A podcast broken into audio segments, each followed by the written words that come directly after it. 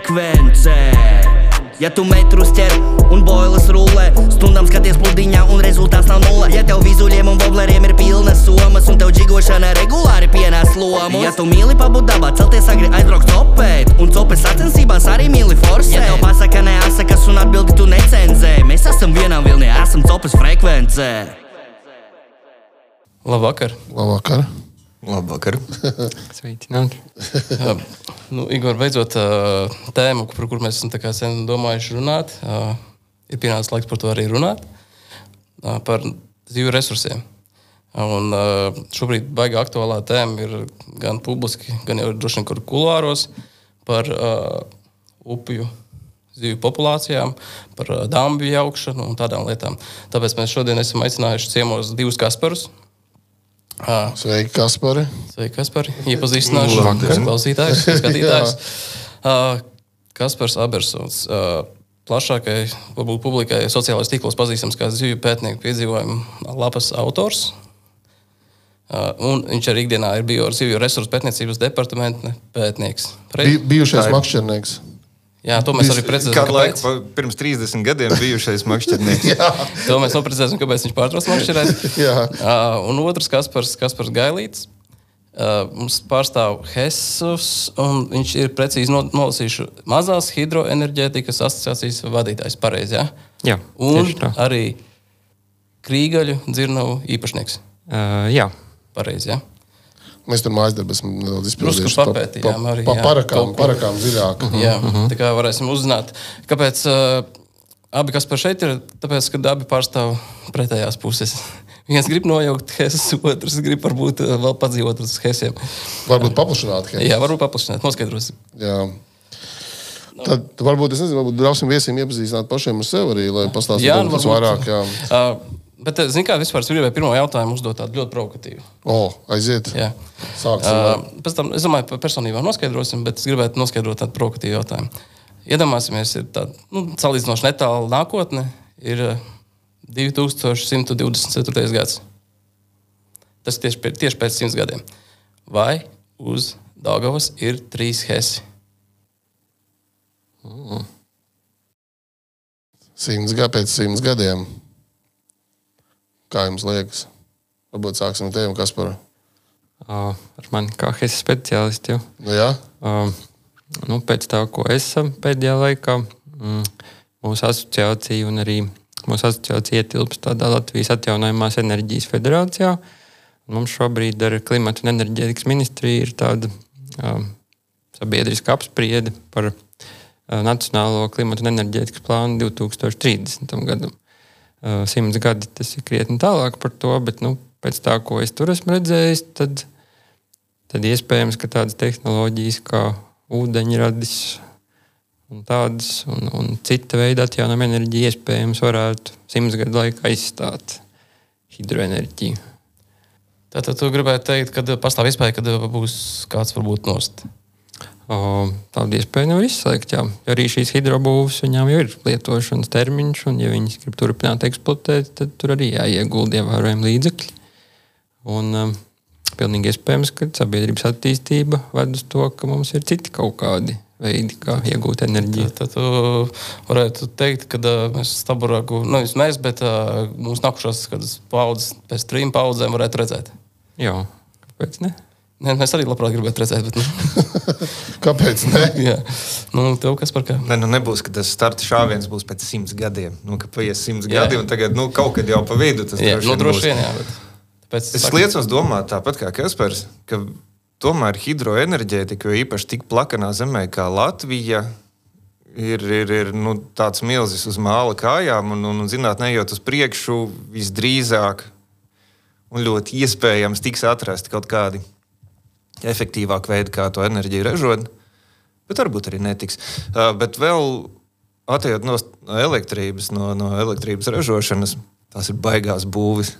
Viņas ir arī droši jānojauc. Kā kas par saka, uzturēt, viņas ir pagrūti, bet nojaukt viņas arī varētu nebūt vienkārši ok, Rīgas hēs, ķēguma hēs tie ir 10, 11 metri, bet pļaviņām ir 40 metri kritums. Un, un tas ir, ir pamatīga būve, ar, ar ko kaut kas ir jādara. Arī tīra demontāža varētu būt izaicinoša. Bet nu, es domāju, ka tas būs izdarāms. Un, uh, Nu, tad, Pēc simts gadiem nu, tā tehnoloģija iespējams atļaus arī demontēt, saražot jā. elektrību no nekurienes, tad mācīs arī nojaukt droši vien. jā. Ne, Es, es arī gribētu ticēt, ka līdz tam būs jau uh, kaut kāda enerģijas uh, avoti izdomāti efektīvāki, jaudīgāki un efektīvāki. Nu, vai būsim visi uzsprāguši gaisā, un nevienu tas neinteresēs. Arī, arī Jā. patiesībā. Nu, diemžēl jā, to nevar izslēgt. Labi. Un, uh, cik daudz patreiz? Nu, labi, tas tāds varbūt jautājums, ko mums varētu pēc tam apskatīt. Bet, jā, jā, mēs pieskārāmies tam lielo heisu, tam pienesumam. Cik, viņu, cik apmēram viņš no tās kopējās elektroenerģijas saražotas lielais heis? Tie lielie trīs heisi. Mm. Kāda Tur, apkārt. protams, tie dati katrs viņus groz dažādi. Bet, nu, Bet, eh, reāli. protams, ka no, no, uh, ir tā, ka tajos mēnešos, kad ir nu, tas lielais ūdens, uh, šie hesi spēj mums pilnībā nodrošināt ar elektrību, un pat vēl paliek pāri, mēs eksportējam tajā brīdī elektrību un pelnam ar to naudu. Uh, nu, un Tas nozīmē, ka visu Latviju varētu nodrošināt ar trīs, trīs hesiem. tajos mēnešos, kad viņi strādā ar pilnu jaudu. Jā, Tas ir jā. uh, aprīlis, kāds marts, kad Nu, palīdz. nu, jā, nu, pavasaris. Jā, jā. Citreiz arī rudenī. Ir varbūt kāda nedēļa, divas, ka tā var būt. Jā. Bet gada griezumā, kā tur bija, tagad nu, kaut kādi. Uh, jā, man nav. Es nevaru tagad tā pateikt, nesagatavojies, jo tur ir, tur ir atšķirās tieši lielie HES un visa atjaunojama enerģija Latvijā, cik spēj nodrošināt. Un tad vēl mums ir arī ievērojams ražotājs gāzes, tets. Un tad um, tur es, es tagad negribētu vienkārši kaut ko pateikt nepareizi. Jā, jā, nu, labi. tas Mēs, mēs saprotam. jā. Tikai gribējām no, noprecizēt. Jā. Protams, ā, es gribētu arī zināt ā, otru kas par viedokli ja, par tiem hesiem. Nu, es zinu, Par procentiem, par procentiem. Nē, nē, es nebūšu nē, nē, par procentiem, bet Nu, vispār. ā, gigavatiem Skaidrs, ka tev attieksme pret mazajiem vai lielajiem hesiem ir noraidoša. Ne, man ir ļoti racionāli. Tā pašā laikā es esmu cilvēks, kurš, kurš ir rakstījis atzinumus ļoti sen, kopš 2006. gada. Un, un, un, lai vai kas man patīk vai nepatīk, paturprātā, ka tas ir pagaidām tas ir likumīgs bizness, kurš tiek kaut kādā veidā regulēts. Man varbūt patīk viņu regulēt citādāk. Uh, vēl racionālāk, stipri racionālāk viņu iespējams, manuprāt, regulēt, bet nu, tas, ir, tas ir legāls bizness, tas notiek. Viņš, bet viņš kļuva legāls pēdējo pirms 20 gadiem. Nu, nevis legāls Nē, kļuva, nē, nē, bet nē, viņam ir bet tāds, ļoti ā, vecas saknes Tāds, ir. tāds baigais lobbyis pirms 20 gadiem. Ne? Tas bija kaut kāds 2003. gads. Vai... Es varu pastāstīt, ja jūs Jā. Jā, par to, kas bija jā, pirms protams. 20 gadiem. Uh, pirms nu, jau vairāk kā 20 gadiem uh, notika tas, ka, uh, ka valsts līmenī tika nu, nolemts īpaši veicināt maz, mazo vietējo enerģētiku. Un tad kā tāds atbalsta instruments tika radīts šķiet 98. gadā, uh, tā saucamais dubultais realizācijas tarifs kas, bija, kas izpaudās tādējādi, ka no šīm mazajām eh, elektrostacijām elektrību iepirka par divkāršu cenu, nekā tā bija gala patērētājiem. Bet kāpēc tā bija? Un tas tika to laiku uzskatīts par labu instrumentu, kā, kā, kā veicināt eh, tās mazās enerģētikas izplatību. Un, nu, pēc, tiem, eh, pēc, pēc tiem skaitļiem, cik daudz eh, līdz tam neapsaimniekot to dzirnavu veco aizprostu un veco elektrostaciju tika atjaunotas, jo padomju laikos viņas bija diezgan daudz arī aizslēgtas, jo viss tika virzīts uz tam bija vairāk. lielo Pirms tam bija diezgan ražošanu. bija. Pirms padomu laikiem es Jā, lasīju. jā, jā, jā, jā, jā. Jo tas jau bija veids, kā to laiku apgādāt nu, tādus reģionus attālākus ar elektrību, jo ne, nebija jau visur izvilkts liela jā. augstsprieguma Jā. tīkli. Labi, man ir jautājums otram Kasparam. Varbūt jau iedzinoties nedaudz tādā zīvi tēmā, kā mums tur liela daļa mūsu makšķernieku skatās, tad kā tu šobrīd novērtē vispār zīvu populāciju un tendenci upēs, kur ir aizsprosti? No tālu kā zinātnieka skatu Nu, punkta. tu vairākus gadus pēti. novērojam grandios jautājums. Ja Mēģini kaut kā saka, nokonsolidēt. tu vari sadalīt. Uh. Ja mēs runājam par ceļotāju zivīm, kas ir tās zivis, kurām ir svarīgi, tie aizsprosti, nu, voblu zivīm tas nav, nav tik ļoti. Paskaidrosim, kas ir Voblas zivs. Mums jau tā aizkadrā bija saruna par šo. Viss, kas ir. ā, Ne, ne, Kas ir kaltējams un pār, pārtaisāms voblā, nu, tas carmēr ar voblu Nē, nu, lasa arī var uztaisīt par lopu. nu, Tas ir vītināts lāsis, ne, nejauciet. jā, nu, jā, tas jau būs aug, augstvērtīgs. Jā. Labi. Un, Un es domāju, ka tā populācija, es domāju, ir skaidrs, ka tā populācija ir sarukusi par vairāk nekā 90%, un tas nav tikai Latvijā, tas ir visā. Faktiski visā Eiropā, visā attīstītajā pasaulē. Tas ir, tas ir nav pēdējo piecu gadu laikā. Tas ir salīdzinot ar, ar nu, pāris pēdējo gadsimtu laikā. Arī Latvija ir tur iekšā. Kāpēc? Tāpēc, ka mums ir tāds veidojums kā Rīgas Hess, kas ir aiztaisījis ciet nu, divas trešdaļas no Latvijas stabiliem, ja ne vēl vairāk. Un pārējie nu, ir, ir piebeiguši to visu. Tā kā no potenciāla mums ir ļoti maz. Mums bija tāds projekts, kur mēs reiķinājām upju nozīmi zivju aizsardzībā. Secinājām, ka tagad ir 33% no, no tā, ka, ko, kas varētu būt. Šeit neiet kopā ar tiem 90%, tāpēc, ka tur nav tikai ceļotāji zivs, tur ir visādas sugas. Un, ja tiktu galā ar pilnīgi visiem aizsprostiem, tad būtu 66. Mēs varētu dubultot visu. Tā, tā ietekme ir aptuveni divas reizes, bet tas nav HES. Mēs runājam par visiem migrācijas šķēršļiem. Nu, tas ir slikti iebūvētas caurtekas, tas ir visādi pussabrukumi un, un, un citi brīnumi, ko nu kāds ir atradis. tad, uh, nojaucot uh, Rīgas heisu, mēs atbrīvojam būtiski. Vairs, vairs jau necienītie kungi. Mēs atbrīvojam ceļu līdz ķeguma hesam un, un, un ogres hesam. Tur tas ieguvums ir stipri mazs. Par to cilvēki kurnēja briesmīgi. Nu, mums, mums bija tas upju prioritizācijas projektam netīšām nāca līdz tagad blakus produkts, nozīmīgāko, nozīmīgāko šķēršļu vienkārši identifikācija. Un tur nebija tas Rīgas hess, un, un tad, tad cilvēki ļoti. Un, un Latvijā nekas nebija. un Tad, tad beigas satraucās, kā nav Rīgas hess, bet viņš individuāli neko nedod. Viņš dod tikai komplektā ārā. Ar, ma nu, ar mazajiem, kas ir tālāk augšā. Jā, Ķēgumu vai ķēgumu? nav vajag. Nu, viņā. Ja jaucam, nu, tas skaidrs. ja jaucam nost, tad viss vajag raut nost. Bet, uh, Baltkrievijā tur varētu būt kaut nē, nu. Baltkrievijā bija ienākta laša droši vien. Ir, jā, jā, ir bijuši gadījumi par lašiem neģiem. Kaut kā, nu, tas ir. To vismaz mēs viņam nedodam. Nu, kaut kādas sankcijas. Tomēr, nu, Nu, kaut kā, kaut kā mēs jā, saskatījām kaut ko labu sliktajā. jā. Un, um, Tad, bet kāds būtu tas, tas, tas iegūms? Tiešais tas, ka tās zivs uh, nāk no jūras iekšā. Nu, kaut ko pastāstīt, varbūt vairāk, kā tas dzīvē notiktu. Nu, Iedomājieties, vairs nav. Mums nav, Nu, nav heisu, Jā, jā. nav tie mākslīgi ierobežojumi, kas uh, viņām traucē kustēties, pārvietoties, migrēt. Nē, vienkārši beigas plašais jēdziens, zivs. Un beigas Nu, plašais paņem, labi, bet laš, lašveidīgā. Laš- ņemam lašveidīgo. Runājam tikai par Lasu lašveidīgu. taimiņš, ā, konkrēts objekts, aģiskais. Uh, Viņi līdz aģiskais aiziet. Viņiem bija šīs problēmas nārstot zemi, tāpēc, ka heisa eksploatācija ietekmē caurplodumu, un viņi pilnīgi notiek, netiek, netiek virs. Tāpēc, ka viņi tur vienkārši netiek. Un, ja viņi tur tiktu, uh, mēs pat modelējām šo situāciju. Es ciparus neatceros, uh, bet uh, mūsu, mūsu matemātiķis Andris izmodelēja, un viņš sarēķināja diezgan precīzi gabalos, cik lašu smolti varētu izaugt tad, ja, ja laša tiktu tālāk, un cik tagad vienkārši neizaug, tāpēc, ka neizaug. Okay. Cik tas ir, es no galvas tagad nepateikšu, tas ir jāskatās datorā, bet nu, tāds nu, pieņemams. Nu, Aģiskais ir maziņš. Jā, Aģis Bet, bet vispār tāds, maziņa, līdz kuram jā. faktiski aiziet. Aiziet Laša, viņš ir viens no ļoti retajiem Latvijā, nu, izņemot Rīgas skaisu, līdz kuram aiziet mākslīgā Laša populācija un kaut kādas vēl dažas. Viņš ir viens no tādiem stabilākajiem Lašu ietekmētājiem. Ah, un Staicela, protams. Bet Staicela nav absolūts. Staicelai pie veiksmes var tikt arī pāri. Okay. Labi. Merkupē arī kādreiz bija laši. ne?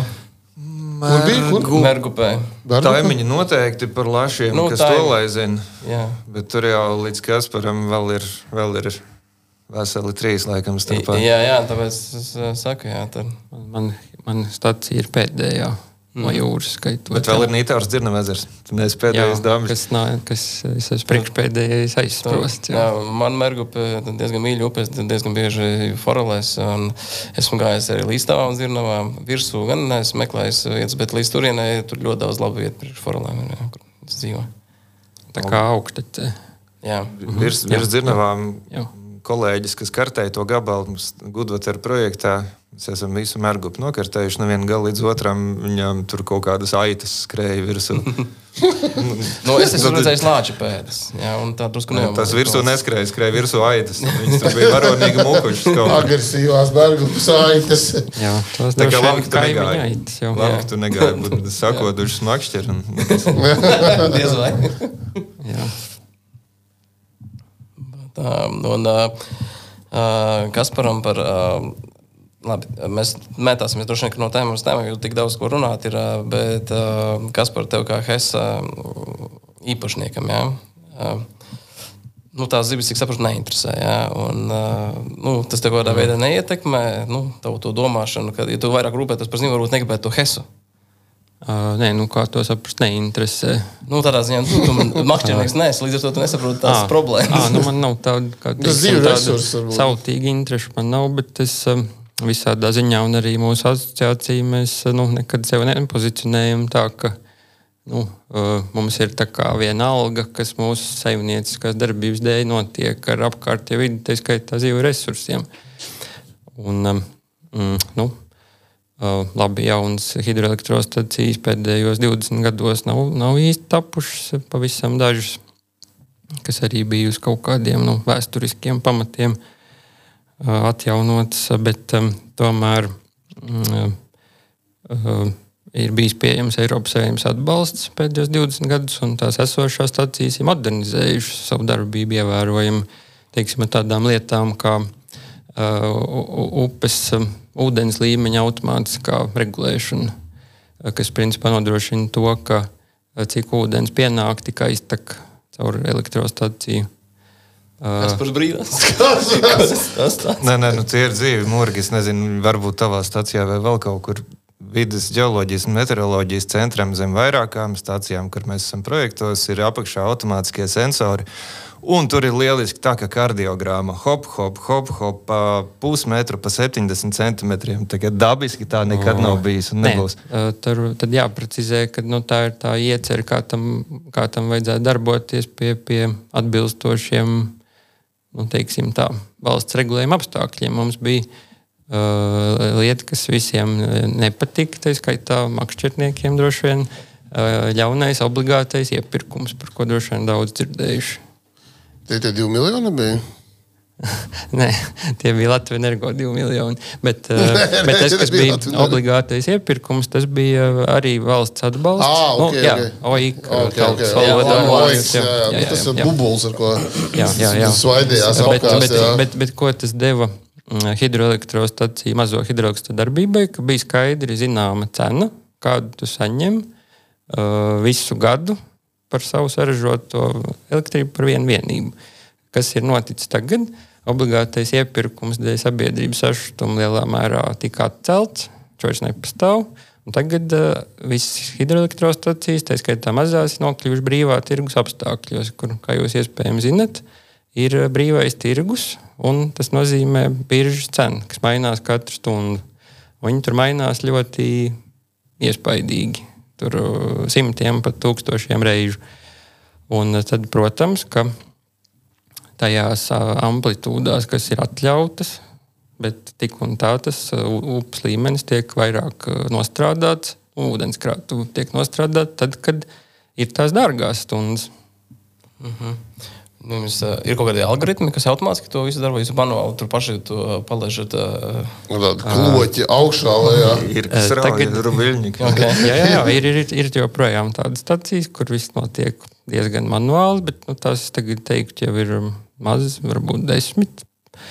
Uh, bet uh, tagad arī kopš, uh, kopš ir pienākusi tā biržas cena, tad uh, elektrostacija īpašnieki ir sākuši ieguldīt tādā automātikā, kas, um, kas, kas, kas spēj sekot līdzi tam biržas cenām un attiecīgi pieturēt uh, to ūdeni vairāk tām dārgajām stundām.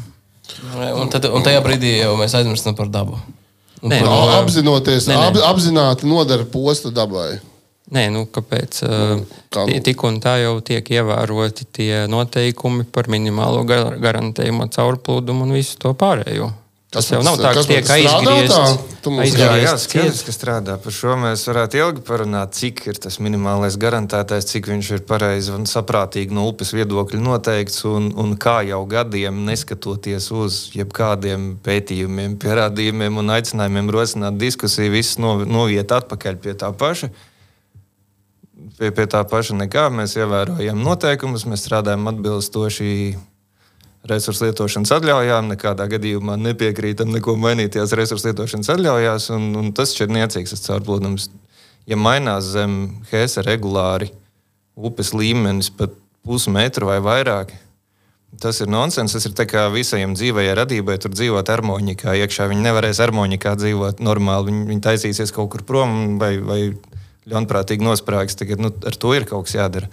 Un runājot par to, nu, es iepriekš minēju daudz loģiskāko. Ir, ir baigi daudz lietas arī, kuras piekrītu mazās hidroenerģētikas asociācijai. un Vispār mm, nav loģikas, piemēram, ūdens resursu. Līdz galam nav loģika ūdens resursu lietošanas nodoklī. Tā viņi sauc. Ne? Mm, Dabas resursi. Dabas nodokļi. resursu nodoklī par to ūdeni, ko patērē.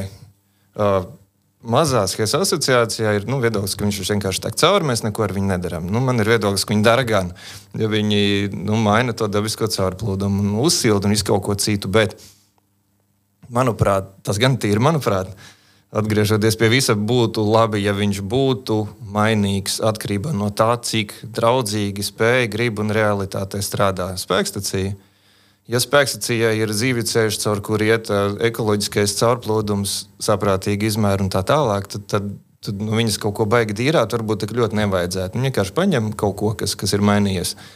Ja stācija ir bez nekā, un, un, un tur sēž vīrs ar rubļņu, kurš skatās, nu, tad ir vai, vai nu tā, ka atrauj visu vaļā un, un gāž visu, cik ir, vai nu ir pilnīgi cieta. Nu, tad ir skaidrs, ka vajag tādu nodokli, uzlikt tādu nodokli. Jo, nu, Kaut kas taču ir jādod pretī. Tu nevari tikai ņemt. Tas ir, nu, manuprāt, arī ir maldīgs priekšstats. Nu, īpašumā jau cilvēkam ir tikai tā būve, un varbūt ūdenskrāta. Viņam nepieder visa upe. Un nav tāpēc jācieš eh, domājumiem upes izmantotājiem. Tas ir viens, nu, kas ok, pilsētas filfiņu nedabūs makšķerēt, nu, kas tur būs. Bet tur jau arī dzīvo cilvēki krastā, kam nes ārā krastus, kam, kam ir nu, naturāls problēmas no tā, ka tur mainās tas līmenis. Nu, es saprotu, ja tā, tie mazie hesti būtu tā kā, nu, tā vitāli svarīgi mūsu enerģētikai. Ja? Tā kā, nu, tad, ok, piedodam, ja mēs, mums vajag to elektrību, nu, kaut kam jācieš. Bet šeit šobrīd ir reāli tikai um, kaut kāda ja, konkrēta cilvēka sautīgas intereses. Jā, bet legāls sautīgs Jā. intereses. Legāls. Nē, ja jūs sakat, konkrēti cilvēks sautīgs intereses, tad man ir tomēr arī jākomentē. Jo, labprāt, Jā, jā, tāpēc droši. es to šeit esmu. jā, jā, Jā, jā, jā, jā. jā. Jo, nu, tas um, man vispār šķiet, ka mūsdienās uh, mēs jau ne tikai šajā tēmā, bet uh, kā sabiedrība kopumā ieņemam tādu sliktu uh, kategorismu un, um, un to nu, otras puses uh, norakšanu un visus tos tematus pasniedzam uz dzīvību, nāvi vai nu tuvojies. Šeit, šeit šobrīd es nepiekritīšu, jūs esat abi. Jā, šeit aicināti. Nav tikai Bet kas kurš tikai viss- viens. Jā. Jā, jā. Ja Kaspars tikai kurš stāstīs, es domāju, slikti. vairāk uz to sasniedzamo rezultātu. Jā, nu, Mēs, droši, ā, droši. Uzskatām, ka, ka mazā hidroelektrostacija nevar būt, lai zīves varētu dzīvot. Un otrādi, kad ā, ja būs mazā hidroelektrostacija, zivīm beigas. Nu, Bet, tu, bet tu jau vari paskatīties arī uz baļķu savā acī. Jūs jau nepamatu negribat piekāpties lielākam ekoloģiskajam caurplūdumam, citādākai aprēķināšanai, zivju ceļiem obligātiem. Nu, taču nē, jūs tāpat, tā sakot, vai nu visu, visu pretīm nenāksiet.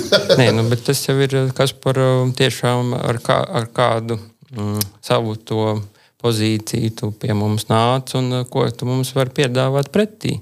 Jo ne jau, ka tu pieprasīsi mums caurplūdumu un vienkārši dodiet mums caurplūdumu. Ir, ir jābūt mēs- mēs šajās Mēs par diskusijās tam, ka, ka katrs kaut ko dabūna. Nu, Pagaid, nu, Un- re, ka un tev beigās- sabiedrība, viņš beigās- pastāv sabiedrība. Sabiedrība iegūs ar to, ka tev ir lielāka caurplūde, tev ir lielāka dzīvība, tad ūdenī tev ir varam- dzīvo, dzīvojušiem krasti, nes, neskalos ārā vispārējo. tad, labi, labi, ja mēs pieskaramies sabiedrības interesēm, mēs varam parunāt arī par sabiedrību. Ja jūs pa, pavaicāsiet uh, tur maniem kaimiņiem, visiem tuviem, attālākiem, tur neviens, es jums varu apsolīt, neviens nebūs par krīgaļu dzirnavu hesa aizprost nojaukšanu. Un kas par to labi zina, viņš vienmēr par to sašūst, kā tā var būt, kā tā var būt.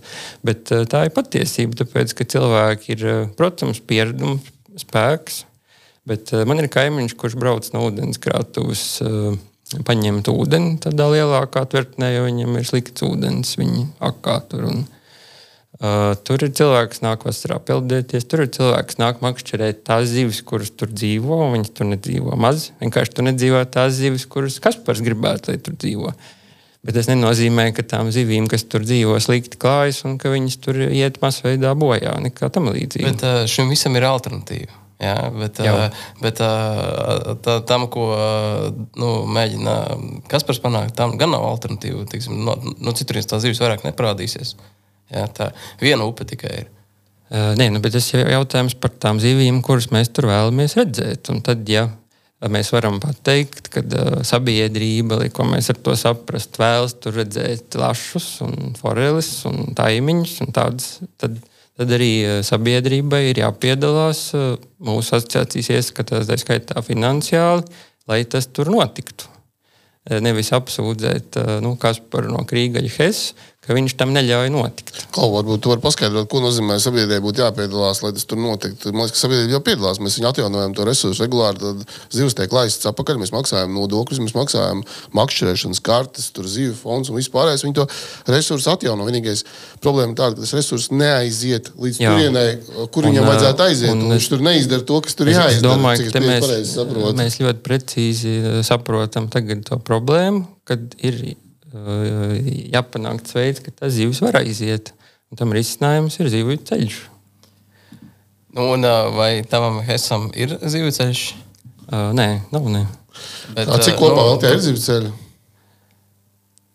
Ļoti nedaudz. Es zinu, atkarībā, atkarībā, atkarībā, ko mēs uzskatām par zivju ceļu. Ir, ir pāris zivju pusceļi vai zivju neceļi, nu, kas ir tādā krēsla zonā. Uh, Man e, tas ir arī resursā, ko es lasīju, ka esot uz visām hidroelektrostacijām pieci dzīvi ceļi, no kuriem divi strādājot. Tā arī varētu būt. Un, ja to nostāda pretī mūsu ziemeļu kaimiņiem Igaunijā, kur tur ir desmitiem varbūt jau simtiem tādu zivju ceļu izbūvēt. Un, un tas, e, kas, tas par, kas par zinātnē? Man liekas, ka pieci uz hidros. Nu, labi, skaitam kopā. Nu, Kārļos ir ļoti senais zivju ceļš. Iespējams, pat Latvijas laika, kas ir, kas ir pēc tam pilnveidots, tad ir uh, robežos zivju, zivju neceļš, kurš tur nav, bet kurš tur ir. Un tad ir Kārvas Hēs, zivju ceļš, kurš puši lielāko daļu gada ir savs. Un tad ir jāsalasa vēl divi, lai tie pieci sanāktu. Tad ļoti iespējams, ļoti iespējams, ka nosacīt pie zivju ceļā var pieskaitīt dobelniekos, tur tos plauktus dīvainos. Un teorētiski arī bildes, to betonēto strāvoteci, nu, kāds pie labas gribas varētu nosaukt par zīvu ceļu. Nu, tad ir. Nē, arī skaitās un neskaitās. Līgatnē nav hes. Nu, bet dambis ir. Uh, Līgatnē ir zīvceļš, runa bija ah, par hesiem. Ah, okay. Par hesiem. Ah, par hesiem, jā, jā. jā. Mm. Jā, Nē, nu, tā bija runa par zivceļu skaitu. Tad ir pieci, un Latvijā ir 140. Ne, nu vēl ir līgatne, vēl ir līgatne, vēl ir noteikti rīvā zivceļš. Rīvas zivceļš parāda aptuveni sabiedrības, nu, pagaidām Latvijas sabiedrības attieksmi uh, pret uh, migrējošo zivju resursiem un, un, un, un upēm. Tā ir lieliska ilustrācija, kas tur ir, nekas tur nav. Tur iepriekšējā gadsimta mijā bija kaut kāda papas fabrika, kaut kas, kas tur bija, nebija kaut kas bankrotēja, nebankrotēja. Un tur ir palicis divi tādi sliekšņi, viens, vien, viena dīvaina barjera kaut kāds mistisks veidojums ar trūku un slieksnis, kas atgādina ūdenskritumu. Un saprotiet, neko ar viņu nevar darīt.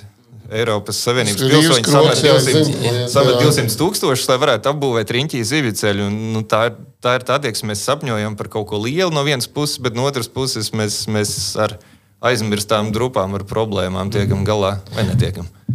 Labi, pieci zivju ceļi. Pareiz, nu, pareiz, septiņi. Se, septiņi zīvi ceļi un 140. Nu, nu, ko mēs, cik ko mēs mazie 140? Jā. Kāpēc? Cik maz baidās? Nu, cik, cik liels... Kas traucē vairāk? Jā, es, es pabeigšu jautājumu. Jā. Cik, uh, uztaisot dzīvi ceļu, cik tu zaudē tos megavatus gadā? Teiksim, vai, nu, teiksim, cik liels zaudējums ir uztaisot mega, tieši jaudā? Katrā Katrā stācijā tas būs Nu, labi, atšķirīgs. tā, nu, teiksim, tā, nu, galīgi Man, filozofija. man nekad nav bijis divu ceļu, līdz Bet, to es nu, nepateikšu. nu jā, bet, nu- nav, nav arī tāda aprēķina veikti, jo nu, Bet kāpēc nekad nav bijis. Cik saprotu, šobrīd ir uh, finansējums pie, iedots jā, kaut kāds no Eiropas, jā, un iespēja gan uztaisīt. iedots. Vēl dod. Jā, nu vai dos, jā, ir divi jā, miljoni jā, kaut kādi, jā, jā. jā, jā. Uh, Vai nu jau, tie divi miljoni, kurus vai, minēju. vai nojaukšanai, vai zivceļu iz- izveidē, vai ne? Pareizi saprat, jā? Jā. Un, un no, kāpēc, uh, nu, labi, nevis kāpēc, bet kā domā, no, cik daudz no Hesiem uztaisīs zivceļu no tās naudas? Es domāju, ka neviens, un es reiz pateikšu, kāpēc. Tāpēc, ka šajā programmā divi miljoni var izklausīties daudz, bet kvalitīvs zivju ceļš, kas par neļaus samelot, izmaksā kādus nu, 100 tūkstošus droši vien. Eiro. sanāk 20 zivceļu. Vairāk, Nu, labi. jā. Nu, labi, 10 um, zivju ceļu sanāk, Bet jā. galvenā problēma ir tā, ka šajā programmā, uh, tur, tur kā daudzās šādās atbalsta programmās, dod punktus, un tas ir konkurss. Un vairāk punktus dod par to, ja to šķērsli nojauts. Nevis, ja tur izbūvēja zivju ceļu. Un līdz ar to uh, tas jau, protams, ir skaisti, kad Hesa īpašnieks pieteiksies savu Hesa nojaukšanai, bet uh, nu, viņš paliek bez savu ienākumu avotu. Līdz Nu, to. tas ir ā, tā, tajā brīdī, bet tajā pašā laikā tu vari. iet- Es, es ā, drusku iedošu piemēru. Es ā, papētīju arī, kā izskatās tavs hēs, jā, un tās dirnavas viņas. Tu, un tu vari attīstīt to turismu, uztaisot tur viesumā tā tālāk. Un tev vairāk viesu būtu, domāju, kad smukā krāču, krāču, krāču pilnā mergupē nekā uzpū, uzpludinājumā. Ne? Nu, es, es nu- gribētu dzīvot, dzīvot tādā Latvijā, kur šī tā ir, bet es šaubos. Pieredze ka nav. Jā, ka viss nav tik Nu, labi. Tad, ja, man, ja ir mana subjektīvā pieredze, tad cik es apmeklēju viesmājas, tur vienmēr ir kaut kāds dīķis vai ezers, kur Jā, cilvēki jā tev, tev pat peldās. nav jāiet Un- pie Kaspara, kurš ražo elektrību. tas Tur ir- patās var paiet mergu pēc tālāk uz augšu, aiziet Jā. uz, uz Nitāras dzirnavām, pateikt, jūs negribat Jā, jā, viņu jā, nolaist. jā, jā. Kā reiz viesnams ir un, un saka, viss būs Jo priecīgi. Kaut kādiem iemeslu pēc cilvēkiem patīk nu, arī stāvošais ūdens. Jā. Nē, nu, mums pietiekuši daudz to stāvošu ūdeni. ir. Par, par tiem punktiem. Jā. Tos punktus es saliku. Es esmu tas ļaunais, kurš, Ā, kurš redz, tos, kā. tiem punktiem nāca priekšā. Es pateikšu, kāpēc. Mēs, mēs, principā, mēs negribam zivi ceļus. Mēs viņus gribam stipri mazāk. Uh, tagad jāpadomā, no kura gala pateikt. Tas, es nedomāju, ka ir jāiet ar dakšām lāpām uz mūžu un viss jānojauc. Bet, ja mēs, mēs tur uztaisījām nu, scenāriju analīzi, cik maksā, cik maksā zivceļš, cik maksā kaut kāds risinājums, un tikai par 40% teiksim, dārgāk, nu, cik es esmu runājis ar ļoti nedaudziem KS īpašniekiem, nu, cik, tu, cik tu prasītu par to spēksacīju. Uh, Viņš ir tikai par procentiem pietiekami nedaudziem dārgāk. Viņš ir gatavs pārdot un saka, dariet, ko gribiet, nekā uzbūvēt to zivceļu. Jo Zivceļš ir sasūtīt dārgs, ja grib, lai viņš darbojas. Un tu uzcēl zivceļu, tu sagādā sev milzīgi daudz problēmas. Iepriekš tur zivis augšā negāja, līdz ar to viņas, viņas atpakaļ nenāca un, un, un turbīnās neiesprūda nesazāģējās gabalos. Tagad viņas ies, tagad tev ir jādomā, kā tos smaltus dabūt lejā. Un, ja tur būs zušu vietā suši un, un, un, un, un, un kaut kāds faršs, nu, tad būs skandāls un brēcieni, kam jūs to zivceļu taisījāt. Zivis tur negribēs iet iekšā, to viņš ir jāuztur, viņš maitāsies, tās ir regulāras izdošanas. Tā kā daudz ekonomiskāk ir vienkārši atpirkt un nojaukt, un tev nav problēma, tāpēc, ka tur nekā nav. Ja tu uztaisīsi ziviceļu, tu, tu sagādā sev milzīgi daudz problēmas. Tu, tu, tu dabūji kaut kādu ieguvumu. Uh, Bet izdotie rubuļi pret to mm -hmm. ieguvumu ir, ir pietiekami nu, tad, nedaudz. ā, Vienkārši kompensējam to nojaukšanu dambi, un visi, visi ir priecīgi. Ne? Tas jau tur jaunajā projektā tas jau ir paredzēts. Ja? Nē, tāpēc nē. priekšroka, Nu, no, nojaukšana. ja neviens Nē. nepiesakās uz nojaukšanu, tad, tad, protams, tos punktus var salasīt tur nav paredzētas kompensācijas par to, ka uh, es pārtraucu savu saimniecisko darbību. Tur vienkārši tiek finansēta nojaukšanas izdevumi. Bez zīvceļa. Nu, Kas tādām biznesmeniem neizklausās pēc labu darījumu? Nu, nav Tā ir, tā ir, nu, pagaidām Pie, tā. nav gotiņi, kas dod pienu, nu, piedāvā nokaut. jā, Jā. jā, tev ir, tev ir Nu, pilnīgi taisnība. Bet, bet vienalga mēs, mēs, jā. Mēs sākotnēji domājam par to, kā, at, kā atrisināt lietas pareizi, un ar cerību, ka kaut kad atradīsies nauda arī kompensācijām un atpirkšanai. Nevis uzreiz jau sākt darīt kaut kādus dārgus, nepareizus, problemātiskus risinājumus, ar ko mums būs jāčakarējās gadiem. Nu, mēs viņus pieļaujam, no tā kā aizliegt zivceļu nedrīkst. Bet, uh, Tas, tas ir nu, otrā, trešā izvēle, ja nekas cits neatliek. Jo okay. vienkāršāk ir jā, Uh -huh. Arī, arī kas par gadījumā es pieļauju, varētu tev pat varētu saglabāt tās dzirnavas kā ekskursija objektu, kā visu, mm, pat kaut kādu piebūvēt kanālu, lai var kaut ko ierūcināt, nu, tīri ekskursantiem. Bet tas, tas pietiekami maksā, un, un tad ir jāpadomā, kā, no kurienes to naudu ņemt, lai, lai tā samaksātu. Labi, bet kāds tad ā, risinājums? Mums ir kaut kāds risinājums. Man liekas, tas zivceļš tāds beigas labais risinājums. Tagad patreiz neizstāsta. Nu, kas jā, ir labs risinājums. Nē, man, man prieks, Viņš ir labs risinājums, lai pareizi uzbūvētu zivceļu, ļaut dabūt zivis augšā un, un dabūt pamatīgs galvas. Jā, jā, bet viņš sarežģīja visu. Mēs redzam, to, ka nevienam, nevienai pusē viņš līdz galam Nu, viņš, ir, viņš ir ir- labs, ja tev nav hesa. ja Vienkārši ir dambis. vai ne? Nu, Hesam arī, ja, ja mēs būtu tikuši līdz cilvēcīgam ekoloģiskam caurplūdumam, tad jau caurmērā cilvēkam ir vien, lai gan nevienmēr. Nu, Caur turbīnām tomēr ir izdevīgāk, lai to ekoloģisko, bet, nu, kam ir liela garie apietie gabali kaut kādi, viņam jau pārāk nesāp, ja tas pats, kas ietu cauri. Kas ietu kaut kur pa kaut kādu atvērumu pārgāzi, un ja tas pats iet cauri ziviceļu, viņam tas nesāp. Sāpēt sāk tad, kad tur ir jālaiž vairāk nekā iet cauri atvērumu un pārgāzi. Mm -hmm. Bet bieži vien tas, kas iet cauri atvērumu un pārgāzni, ir, ir šausmīgi maz, jo īpaši uz tā fona, ka ir biržas svārstības, un, un, un tad, tad ir atvere vai nu vaļā, vai nu cieta, un, un tās lielās strāmas svārstības apakšā.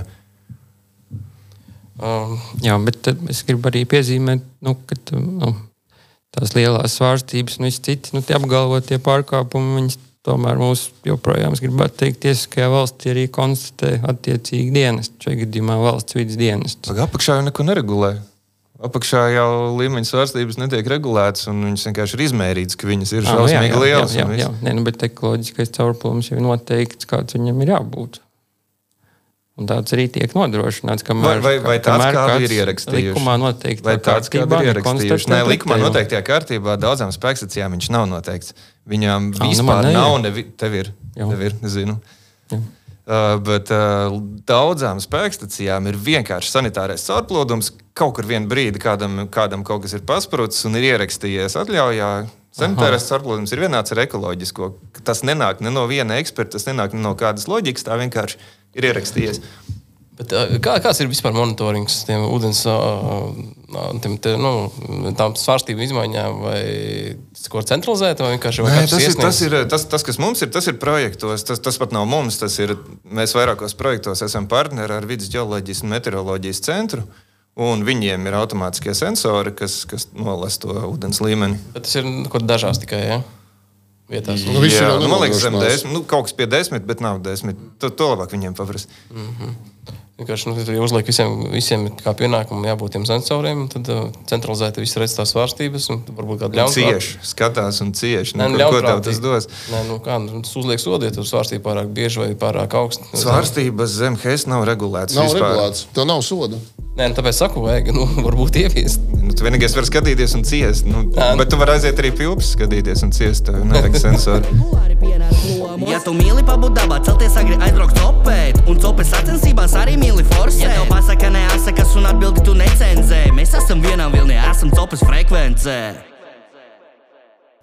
Cik, cik bieži jūs asociācijā runājat par to resursu, kas um, iespējams tiek pakļauts kaut kādām mm, sliktām darbībām, no tā, ka tās svārstības mainās tik ļoti daudz?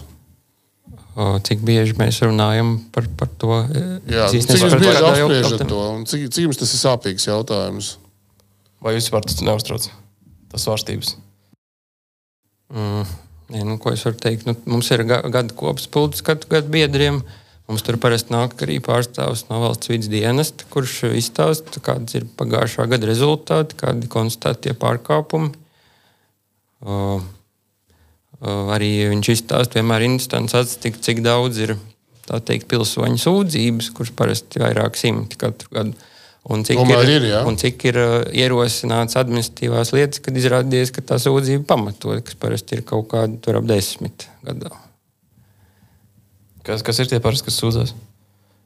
Iedzīvotāji, Tie parasti ir makšķernieki. makšķernieki. Man nesūdzēs. Un, uh, un arī uh, nu, Kas uh, cil, cilvēki, kas, kas cilvēki, kas, kas dzīvo tajos upju krastos, nu, viņiem bieži vien viss kaut kas liekas. Nu, tad viņiem liekas, piemēram, ka tur, kā, kā mēs te runājam, kad par daudz ir tās svārstības.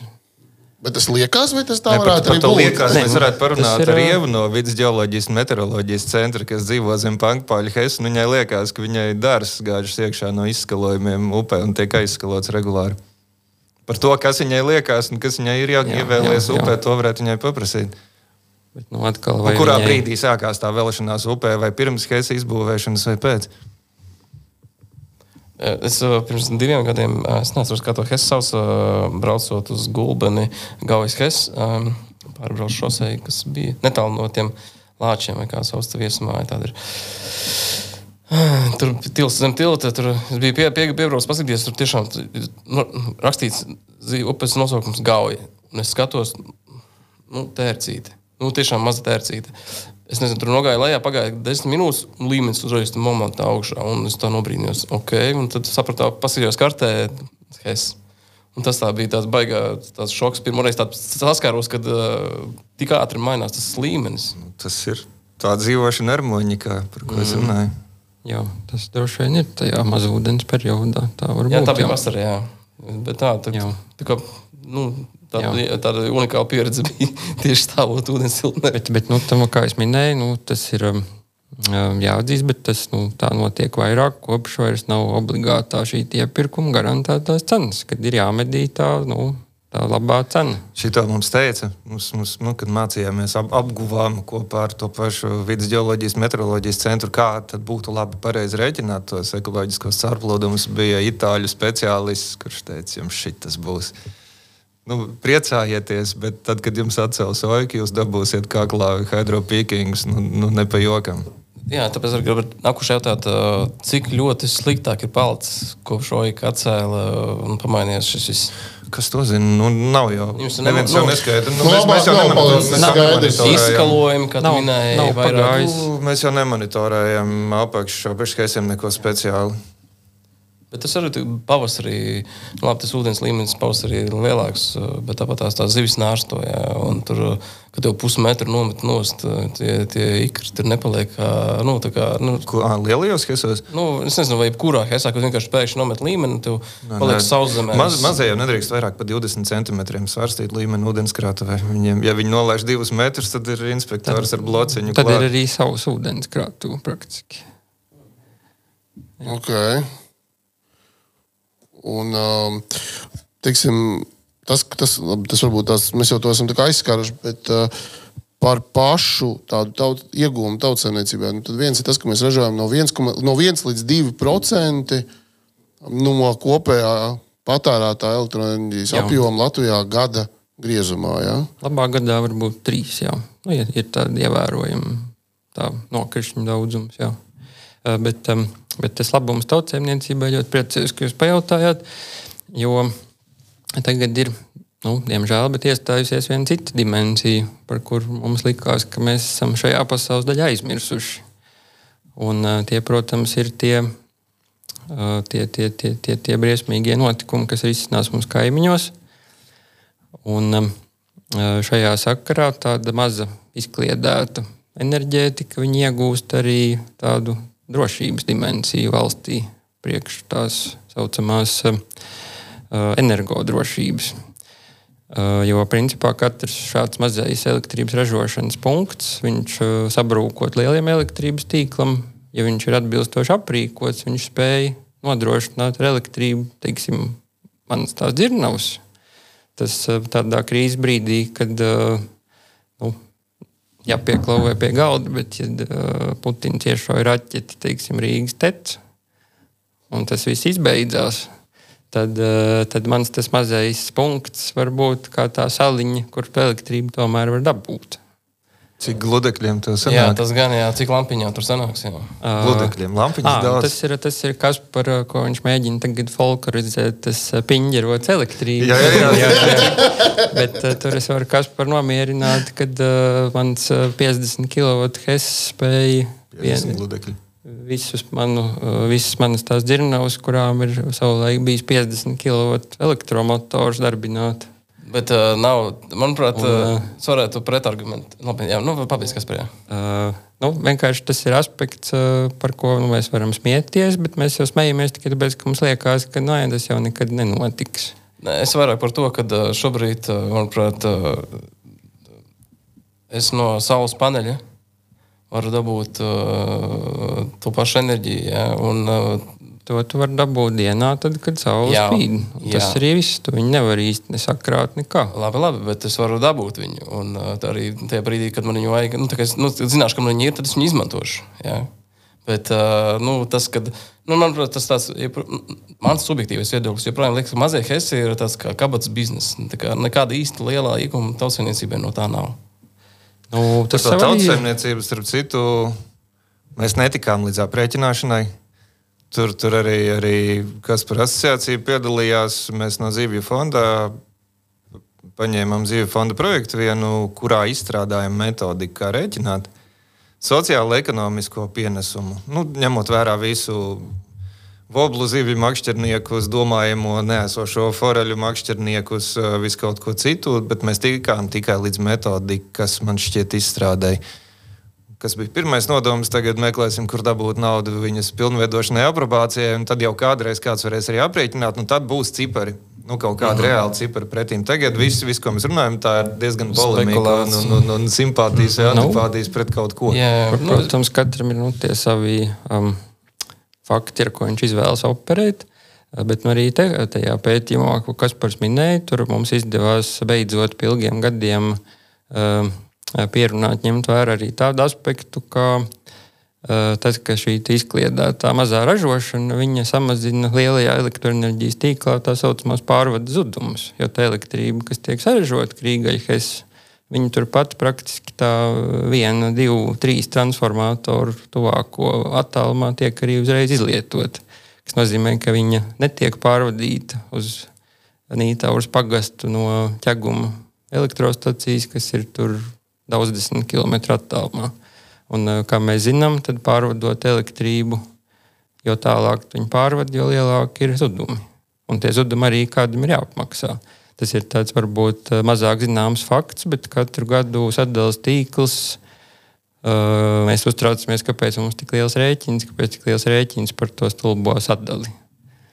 Uh, bet tur viena daļa tās izmaksas, kas sadalījums tīklam ir par enerģijas pārvadīšanu šiem zudumiem. Un mēs viņus attiecīgi samazinām. Un to arī es priecājos, ka mēs ņemsim vērā tajā novērtējumā.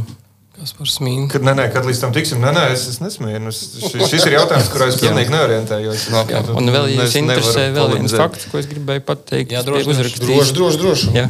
Protams. Um, uh, es um, apskatījos, ka mums ir internetā tāda brīnišķīga interneta lapa atr.kartes.lv, kas ir laikam savulaik, kad notika liekas, 2010. gada administratīva teritoriāla reforma. Vai varbūt notika pēdējā, bet nu, whatever. Uh, Bet, um, tur ir ļoti interesants visādi statistikas salikts iekšā par, uh, par Latvijas arī visiem maziem tur ciemiem un pagastiem. Un tur ir atrodama arī statistika par to, cik um, atsevišķi mājsaimniecības un uzņēmumi un viņi kopā uh, katrā tajā mazā ciemā patērē elektroenerģiju. Un tad es atradu, ka uh, Nītāvas mājsaimniecības, kas ir apmēram 700 cilvēki, kas tur dzīvo, patērē gadā 400 megavatus. Un uh, mans uh, Krīgais saražoja pagājušā gadā 200. Tas nozīmē, ka viņš nodrošina pusi no Nītāvas ciemas tam vajadzīgo gada elektrību. Un, uh, es domāju, ka šādā aspektā uz to var. Nu, uh, Mēs varam citādāk paskatīties to, kad uh, jūs smejaties, tur ir 1-2% jau nekas nav. Bet tie ir 1-2% no visas lielās tās Latvijā gada griezumā vajadzīgās elektrības. Tad, tad um, tiksim, izriet no tevis sacītā, ja mums vajag to lokālo enerģijas avotu, tad mums jāceļ vēl vairāk es. Uh, Nē, nu, mūsu asociācija droši vien neiebilst uzbūvēt vēl kādu HES vietā, kur tas ir ekonomiski pamatots. Nu, Kaut ko jūs jau tur gribējāt būvēt, tur es skatījos, vēl kaut kāds 240, tur neiebremzēja, vai kas tur bija. Vai pie, pie, piegriezis, es kaut kādu ciparu tur atradu vienu. Nu, iespējams, ka pirms tam 20 gadiem bija izņemts kaut kādas atļaujas, jo, jo, jo nu, tur vienā brīdī diezgan strauji to izbeidz. Jā, jā.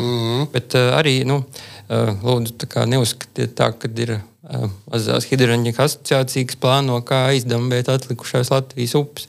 Mums ir asociācijā zināma, zināms apkopojums. Mums bija tāds zinātnieks Kārlis Siļķis, ļoti cienījams. Latvijas lauksaimniecības universitātē viņš pasniedza un viņam tā bija nu, sirdslieta, mazā hidroenerģija. Viņš bija apkopojis arī visas tās aptuveni 600 vietas, kur bijušas Latvijas laikā, un pirms tam atcelties tās ūdens dzirnavas. Un uh, skaidrs, ka uh, no tām vietām, kas šobrīd, nu, kur nav HES, kur ir drupas kaut kādas, i- ir no tām 600 vietām, ir arī kādas, kurās tas būtu ekonomiski nu, pamatoti uzbūvēt. Vēl HES. kaut, vēl kaut ko varētu aizdambēt. Bet, protams, izbūvējot dzīvu ceļu un vispārējo, un tad, ja kas par sniegt atzinumu un tā tālāk. Bet tas sadārdzina, baigi projektu, diez vai ka būvēs. Vai tagad te nevar Nē, uzbūvēt man Hesu tas ceļš ceļa? agrāk likās baigi labāks telti, tad vispār neliekas. Jā. Okay. Jā, bet tas jau viss Ne, ir no aizliegt jau nevienam raugi nevar. Ir, ir upes, kas ir uzskaitīts, kur nedrīkst. Un, un, un man šausmīgi nepatīk tas saraksts. Viņš bija svarīgs tad, kad bija lielais tas bums, kad gribējās visu aizdambēt un sabūvēt. Uh, Bet tagad tā saraksta eksistēšana kā tāda man bija sasiena rokas. Jo atnāk cilvēks, kas saka, es gribu būvēt heisu. Upē, kas nav sarakstā. Ja jau ir saraksts, ko nedrīkst aizdambēt, tas uh -huh. taču nozīmē, ka citas Atļauts. drīkst. Un, un tad ir ļoti jāstīvējās, lai nu, varbūt nevajag. Klausies, kas pārāk, cik pelnošs bizness vispār ir, cik viņam ir rentabilitāte tam Hesam, mazajam Hesam? Nu, Cik viņš ir, tā- mēs runājam par tautsēmniecību, pienesumu tautsēmniecībai, cik tāds mazais Hes, nu, šodien tur ir lielāk un mazāk, ja, bet pa lielam, cik viņš ir rentabls, cik Nu, procentu tas, gadā to var tu domā nopelnīt? no jauna ceļot vai? Nu, no esošie, kas Nē, nu, strādā, ko jā. Nu, esošie? Cik procentuāli var nopelnīt, cik rentabilitāte? Tas ir, es nezinu, kā tur varētu, kā- varbūt finanšu kīpjā iedot uh, net profit pret uh, ieņēmumiem. Nu, tīro pēļņu pret eh, ieņēmumiem, cik procentuāli tu nopelnītu? O, nu, es kā, kā tāds mikro uzņēmums, es uz to nekad neesmu tā raudzījies. Nu, cik Bet citi, nu, nu, skaidrs, cik- ka savu ģimeni nu, es varu ar to pabarot. Jo. Tas, uh, tas ir tāds stiepjums liekas, bet, uh, bet uh, labi, es savādāk uzdošu jautājumu. Uh, es, man ir kapitāls, uh, man ir noskatīta upe, man ir atļauja. Es ceļu hesu, cik es ātri viņu, uh, nu, cik lielā maksimālā jauda priekš mazā hesa ir? maksimālā ir neierobežota. Tik cik ūdens pietiek. Nu, Kamēr neuztais nu, saules paņemsim, paņemsim Ne, nu, pēc vidējo normatīviem jaudu. aktiem, man liekas, pie mums ir no 10 megava, līdz 10 megavatiem ir maz. Kaut, kaut kur bija Jā, tā strīpa jā, novilkta. jā, jā. Bet, bet viņi ir novilkta tieši tā, lai, lai aivieks tas hēzes būtu mazais un pārējie būtu lielie. Mm -hmm. un, uh, cik maksāja uzbūvēt, nu, tādā ļoti vispārinātā summā, cik uzbūvēt tev šobrīd Hesas maksātu? Ar jaunāko Nu. nu, turbīnu, ar jaunāko tehnoloģiju, automātiku. Bet cik jaudīgu hēs, Nu, kurā vietā? nu, kāds ir vidējais šobrīd pasaulē ceļš? Tādā nu, to teiksim. Lai Nezinu. mazliet. Nu, nu, jēdziens, ar ko var mēģināt operēt, ir izmaksas par vienu uzstādīt, uzstādāmo kilovatu. Nu, jā, nu, Jā, pieņemsim. jā, jā.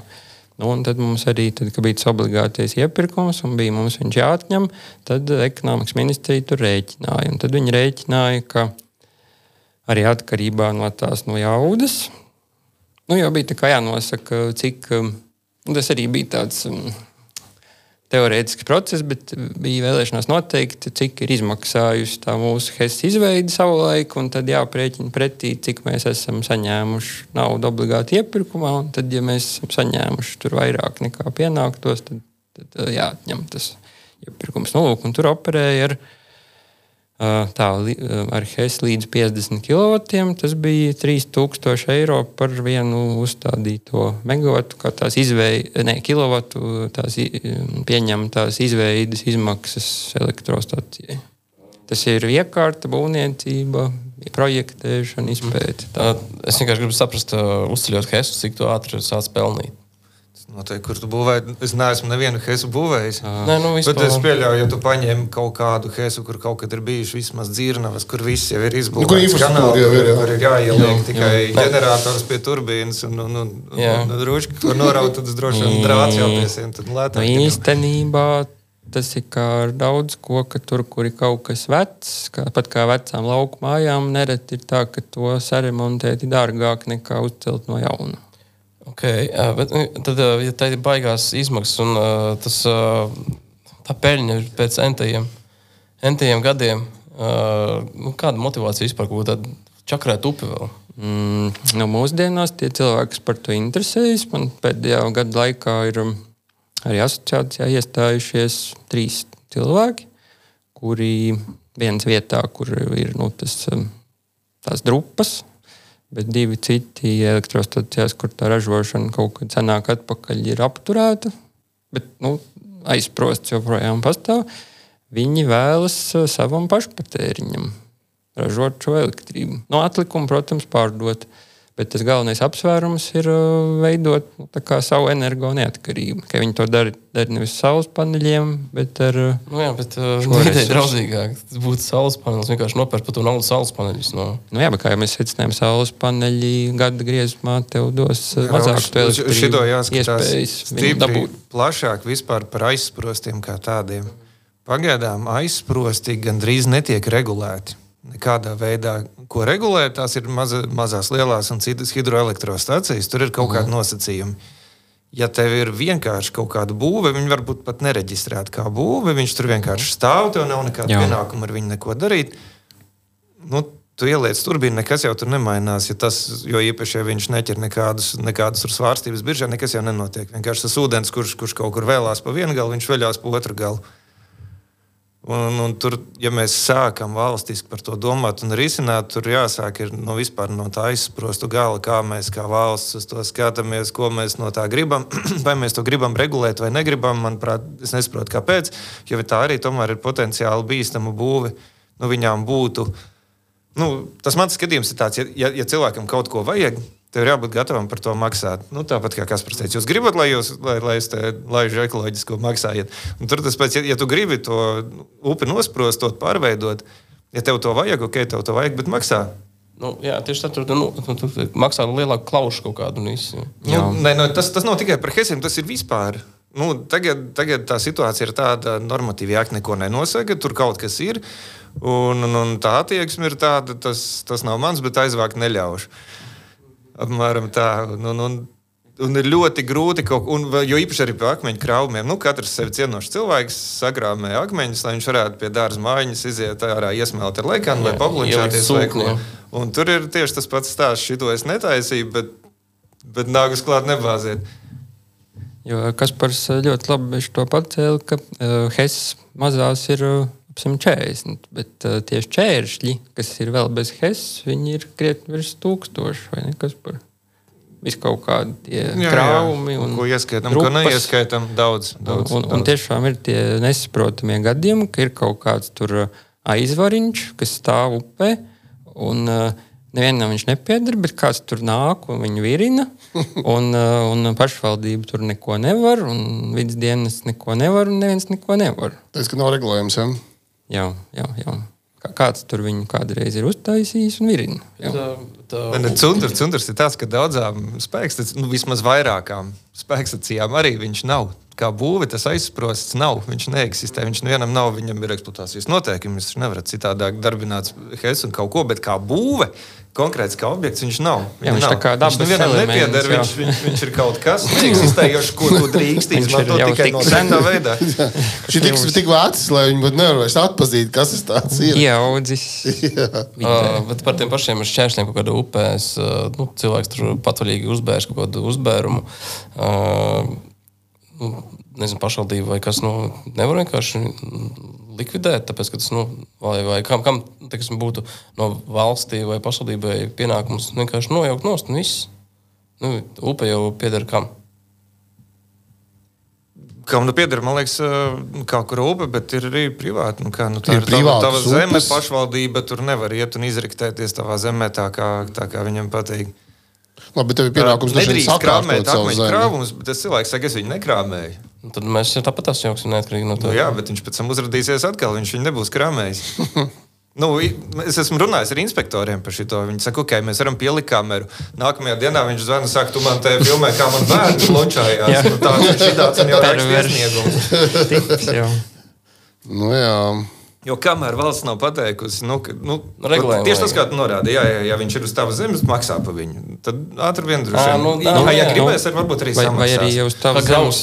Kā arī jā, Vai arī uz tavas zemes ir parādījies kaut kāds, eh, nu, vienalga, kad tāda struktūra, tad tu kā īpašnieks esi atbildīgs par to, lai viņš pazūd. Tāds regulējums, piemēram. Jā, Bet tā tāda struktūra ir regulējuma tava nav. Nevis tas nav mans, bet Jā, Jā, vai jā. arī tu pierādi, kurš to tur uztaisīja, un tad, tad, tad nosūtīja, teiksim, Bet būvā. nav jau aizliegts. Arī, man liekas, tas ir tikai makšķerēšanas noteikumos. Tad makšķerēšanas noteikumi attiecas uz tevi tikai tad, ja tev ir makšķerē rokā. Ja tas makšķerē nolicis krūmos, tas vienkārši cilvēks, kurš rīpina pūpē akmeņus. tāds hobijs. Jā.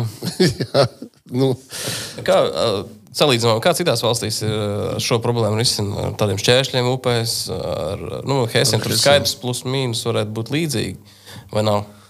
Es pat neesmu beigts pētījis. Nu, kaimiņ, tepat kaimiņos, Lietuvā vai Igaunijā. Nu, es, piemēram, zinu, ka, ka Igaunijā jā, viņi diezgan mērķiecīgi, bet tur arī nu, valsts ienāca ar savu tā teikt, tādu konkrētu mērķi. Uh, ko konkrēts HES nu, nojaukt, man šķiet, nojaukt arī vienu vai divus. Un, uh, bet nu, tas bija tā, ka tas tika visaptveroši novērtēts, ka tās ieguvums būs lielāks, bet skaidrs, ka tam īpašniekam tur viss tika kompensēts. Nebija tā, ka viņi pielika pie sienas un, un atbrauca tur dinamītu. Un, un uzspricināja. Nones. Jebkurā gadījumā tas, tas būtu lētāk atpirkt un, un, un nojaukt, nekā, nekā būvēt to zivceļu, kas ir dārgi. Tāpatās, un tad mūžīgi čakarēties ar viņu uzturēšanu. kas Un malu zvejniecību, jo katram gribētu pie zivceļa ērtāk. Ā, nu Tev jā. nav nekur jāskrien meklēt, viņš taču tur nāks. Un... Kā uz galda uzliek to, to lasi. Uh, Tie, kas dzīvo, dzīvo blakus uh, Rīgas zivju ceļam, saka, tur ir kuldīgas mākslinieki pamanījušies uztaisīt, tagad labi nereklamēšu. Varbūt grieziet ārā pēc tam, bet ir pamanījušies pielāgot kaut kādus nēģu murdiņus tieši tiem izmēriem. Nu, Tā, lai viņus tur attiecīgā vietā var smuki čaki ielikt. Un, Labs. un taisīt. rīvs upe salīdzinoši neliela. Viņi tur kā ietek un iztek. Es, es, nu, es, ir- tur tas ir kroks blakstēm. Nu, Jā, jā, jā, jā, jā, jā, tas- Izstās jau viņš smuki. Nu, tādā ziņā, ja viņš ir funkcionāls, tad varbūt viņš nu, tā kā... Bet es nesaprotu, pēc kam tas ugunskritums tur ir vajadzīgs. Nu, tas, kas tur ir. Kur, kāda viņam vispār, nu, jēga no viņa?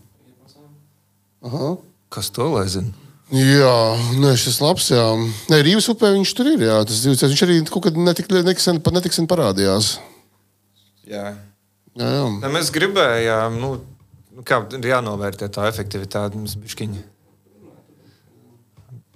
mm, bišķiņi nauda pietrūka šogad. Nu, nu, pēc tam bišķiņi uznāca nepareizs laiks, bet mēs ceram nākošais gads izdarīt. Tas, ko mēs laik darām, tas ir nēģu monitors. Es esmu nēģu pētnieks vispār. Man zinātniskā interese ir, ir nēģis.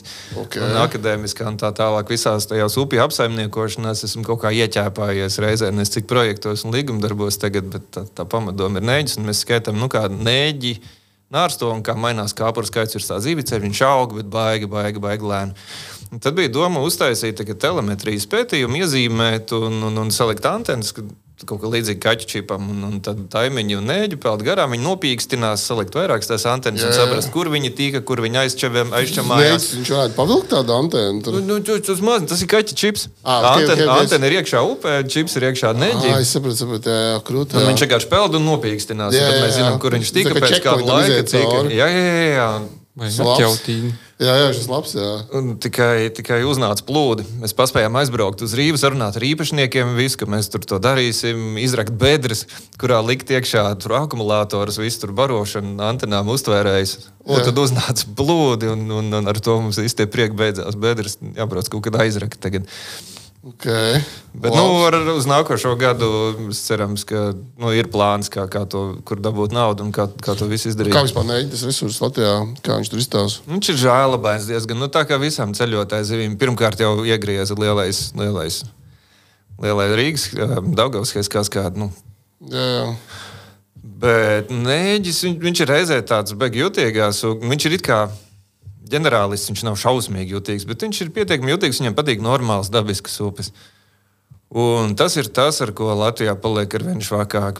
Pirmais ir aizsprost visu visādīgi, ieskaitot nabas mērcētāju krāvumus un, un visu citu. Otrs ir, ir upju iztaisnošana, kas atņem neģu kāpuriem tās dzīves vietas. Trešais ir, protams, arī hidroelektrostaciju ietekme uz, ekoloģi, uz hidroloģisko situāciju upē. Un tad vēl ir malu zveja. Un viņi ir diezgan nospiesti uz leju.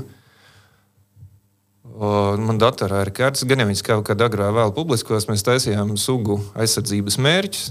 Mm, Līguma ietvaros ar dabas aizsardzības pārvaldi. Tur diezgan smuki var redzēt, kur, kur tie nēģi, kurus padomu laikā zvejoja kaut kādas tur, tur 300 tonnas, pat 400, kur viņi ir palikuši.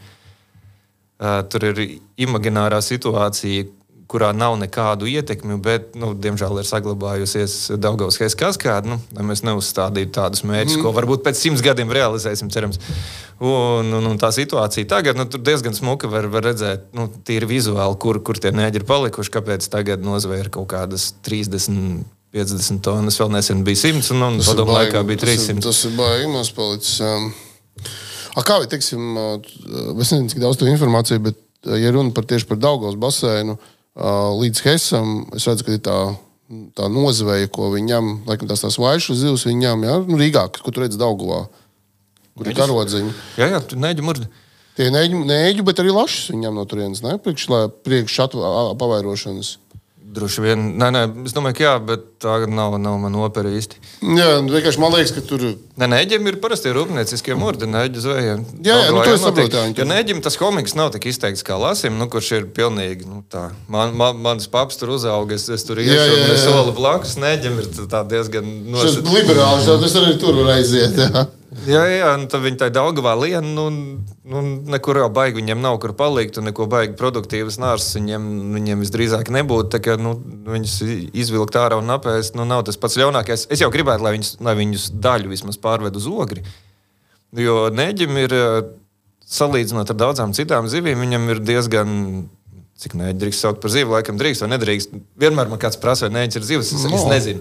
Nav, nav. Viņš ir, bet viņš nav. Okay. Bet, bet, nav. Bet attiecībā no tā, neģim ir daudz labāka spēja salīdzinot ar daudzām citām zivīm tikt cauri turbīnām, tāpēc, ka viņam nav nekādu pūšļu, nekā tāda, ko, kas varētu pārsprāgt, kur barotraumu varētu dabūt. Viņš ir medziņš, viņš ir tieviņš, viņš ir, nu, tā kā, nu, tie uz leju migrējošie varētu būt šiti gari. Un tāpēc nu, viņus var laist virs, virs vietām, kur darbojas turbīna. Un, un, un tā, mēs varam, varam cerēt, ka viņi aizies lejā. Es beigās gribētu, ka sāk no Dāngos vest uz ogri.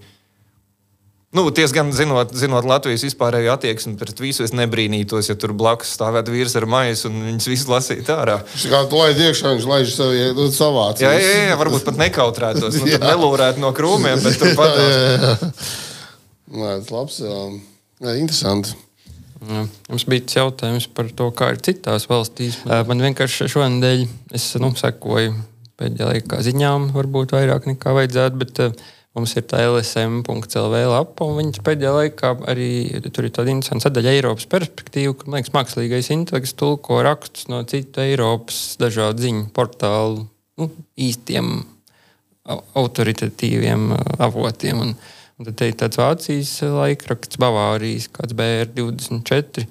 Un tur viņi uzdod jautājumu, vai klimata pārmaiņu dēļ no hidroelektrostacijām iegūst mazāk enerģijas.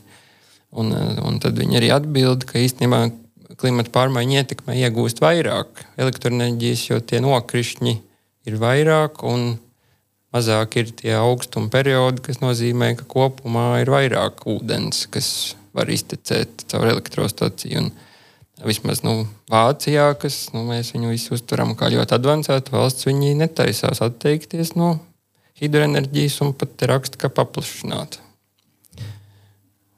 Nu, arī tāds moments. Jā. Lašiem nebūtu Vācijā. Lašu Vācijā jau nav, viņiem par to nav Viņam jādomā. vairs nav jāuztraucās. Problēma pats sev ir atrisinājusi. Bet nu, es iztēlojos, ja tas ir Vācijā, tad tur ir arī zivju ceļš un vispārējais. Nu, To mēs nezinām. Jā. To Tas ir nezinām. Vācijā. Tā, tagad es sāku geogrāfijā maldīties, bet viņiem ir arī, arī augstkalns. man Jā, liekas. jā, protams, Jā, jā, tikai- ir. Protams, protams. Jā, jā, un tas droši vien ir pat tām vairāk. uh, Jā. Uh, Bavārija. Bet gan jau, ka tur ir- kaut kāds forels un tāds kalni. tomēr dzīvotnē naši. Nu, tur, pieņemot to, ka tās ir Jā, kāds nu, arī hidroturbīna tehnoloģijas mūsdienās nāk. Nu, piemēram, man uzstādīta ir Čehu turbīna, kas arī ir kalnaina zeme samērā, un Vācija, Austrija, Slovenija. Tie ir tādi, kas, Šveice. kas ā, nu, ražo šīs te lietas. Jā. Uh, Es domāju, ka mēs varam drīz finišēt. uh, Mēs varētu varbūt ieskicēt. Varbūt ieskatījām galveno problēmu. Nē, un problēma- Kādu varētu būt risinājumi? Nu, ko, tu, ko tu saki? Kāda, kāda, kāda šobrīd tev aktuālā problēma saistībā ar savu darbu? Un, ar, Ar mūsu pacelto tematiku arī. jā, ja? nu, saistībā, kas, par ko mēs šodien runājam, protams. Es gribētu vairāk loģikas tajā visā. Nu, es jau no paša sākuma ieskicēju, mēs runājam par spēkstacijām. Uh, tur stipri diferencētāk to dabas resursu nodokli. Nu, jo, jo tagad, nu, ko nu, man liekas, vispār loterija jums ir izmetusi to nodokli. Es, es nezinu, pēc kāda principa viņš ir piespriezt, piešķirts vai, vai uzlikts. Man liekas, pēc jaudām vai pēc, pēc, pēc kaut kā. Es, es labāk gribētu redzēt, ka tādām spēkstacijām, kas darbojas vidēji iespējami draudzīgi, tas nodoklis ir iespējami mazs. Un tām, kurām ir, ir diezgan pie kājas, un saka, nu, tā, tas ir mans, un, un jūs, jūs varat dancot riņķī, tas nodoklis ir lielāks. Tas ir viens, un otrs, mēs runājam tikai par aizsprostiem. Es gribētu vispār kārtību, jebkādos aizsprostos, jebkādos migrācijas šķēršļos, pašbūvētos, svešbūvētos, pusbrukušos, nebrukušos, jo tagad nekāda regulējuma nav. Un, principā arī nu, katrs, katrs savas zemes ķēniņš, bet eh, tā ietekme jau neaprobežojas tikai ar viņa zemi. Saprot, ja kādam pieder pļava, viņš tā pļavā grib uztaisīt golfa laukumu, un tad atnāk un, un, un eksperts saka, nedrīkst, tāpēc ka kaut kas. Nu, Es, protams, kā biologs arī, arī gribētu, lai neuzstājas to golfa laukumu, bet eh, šajā gadījumā jau tā ietekme ir stipri tālāk par golfa laukumu. Tas ir uz augšu, tas ir uz leju, tas ir virkne sabiedrības slāņu. Kāds cits varbūt nevar īstenot savu biznesu piekrastē, piekrastes zvejā, tāpēc, ka viņam nav to zivju, ko ķert. Uh -huh. Kāds cits nevar izdarīt vēl kaut ko, un, un, jo tur vienkārši stāv kaut kāds klūcis, nu, kuram tev nav pilnīgi nekāda pienākuma ar viņu kaut ko darīt.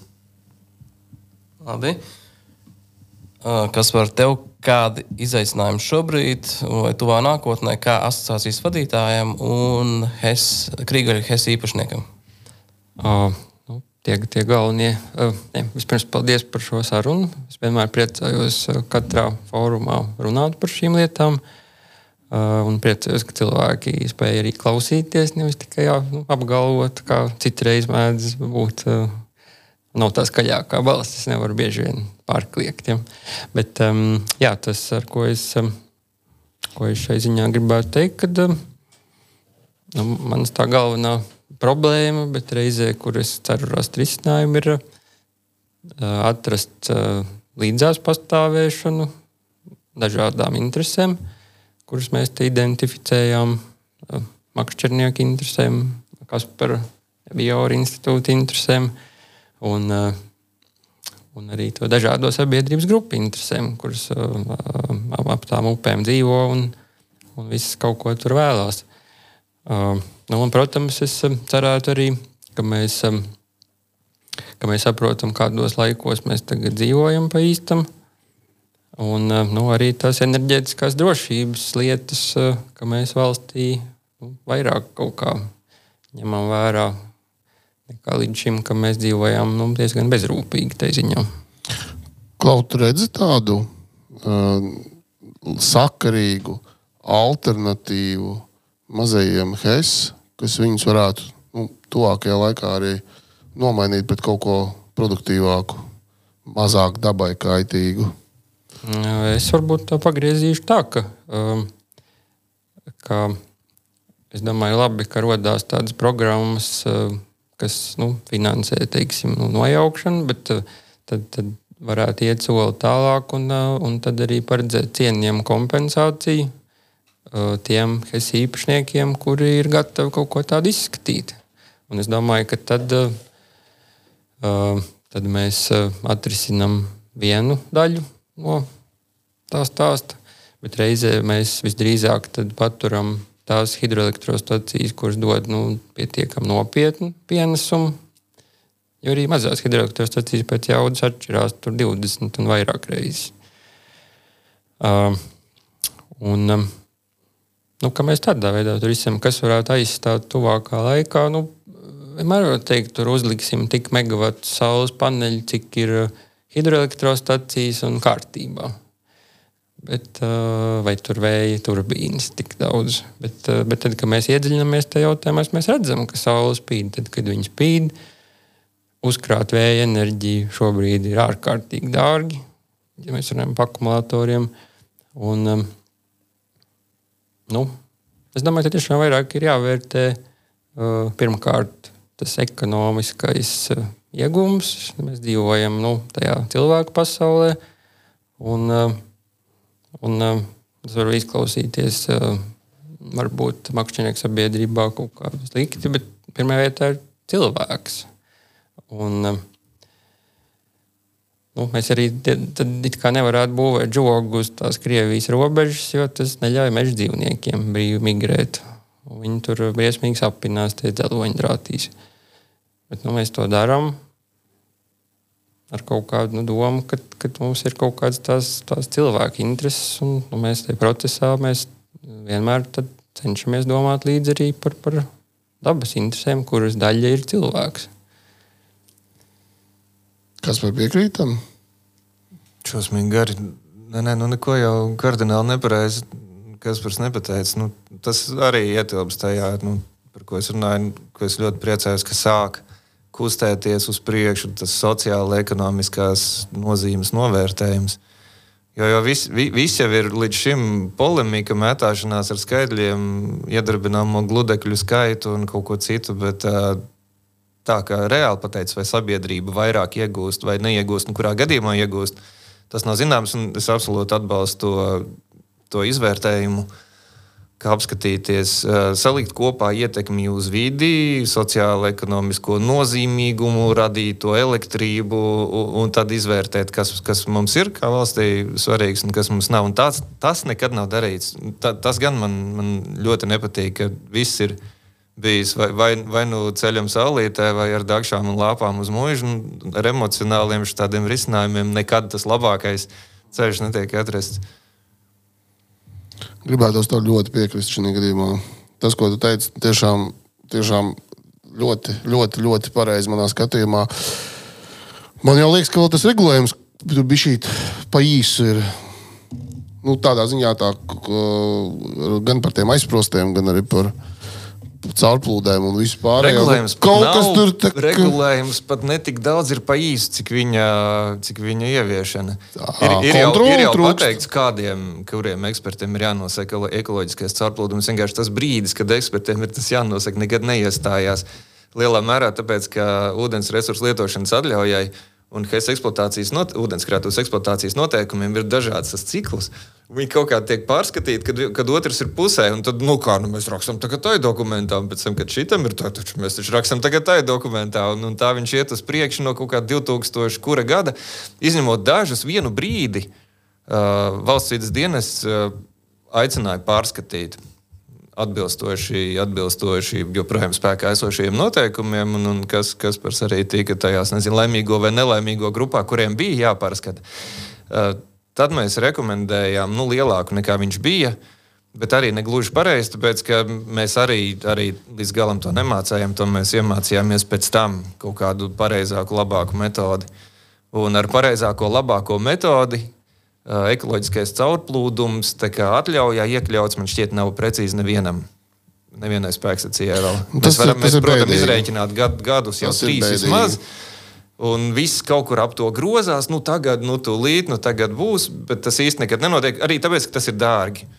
Nu, jo mēs precīzāk kaut ko gribam izmērīt, jo mums vairāk ir jāmokās ar mērīšanu. Nu, vienkārši pa gabalu paskatīties, sprīžos tas ir viens, bet nu, pirkt kaut kādu dārgu caurštoku un, un mērīt pie šādas temperatūras, pie tādas, nu, tas salīdzinājums ar sliedi, piemēram, ir pilnīgi kaut kas cits. Uh, ko jūs varat, uh, mēs parasti jautājam, ko jūs varat novēlēt? Parasti prasām makšķerniekiem, kā jūs varat novēlēt uh, saviem aroda brāļiem vai māsām? Jā. Tā kā, Nu, tā gadījumā zinātniekiem, uh, bet īsi un tā asociācijas biedriem. Jā. Vairāk dialogu abām pusēm? Vai pietiek dialogu? Zinātniekiem darba pietiek. Nu, es gribētu novēlēt saviem amatu brāļiem visai, visplašākajā nozīmē, lai viņus vairāk kāds vispār klausās. Jo viena lieta, ko tu, ko tu smalki un ar kādām metodēm esmu parēķinājis, bet Latvijā un, un ne tikai protams, nevienmēr ir vienkārši atnākt pretī onkulis un saka, es neticu. Tas ir viss viņa arguments. Un publika ir viņa pusē. jo Viņš netic, tie tur kaut ko, ko viņš tur mūlīt, kaut ko rāda. kaut kādas- aizstāv. Jā, jā, Tas jā. jau ir vispār mūsu laiku fenomens. Tāds, jau. Daudz kur. Kā, ko, ko, ko tu, kas par ko tu novērtē? Nu, nu, Um, Un saviem asociācijas Jā. biedriem, piemēram. Vai arī klientiem, kas patērē tavu elektroenerģiju? À, nu, Patērēt vairāk. À, Prasiet to es vairāk. vien, vienmēr varētu, jā. Bet tas notiks, izskatās eh, pat neatkarīgi no manas novēlējuma, jo izskatās, ka tā sabiedrības elektrifikācija uzņem nu, tā kā apgriezienus vairāk. Ar, uh, bet uh, ne, nu, es novēlētu. Uh, laikam. Uh,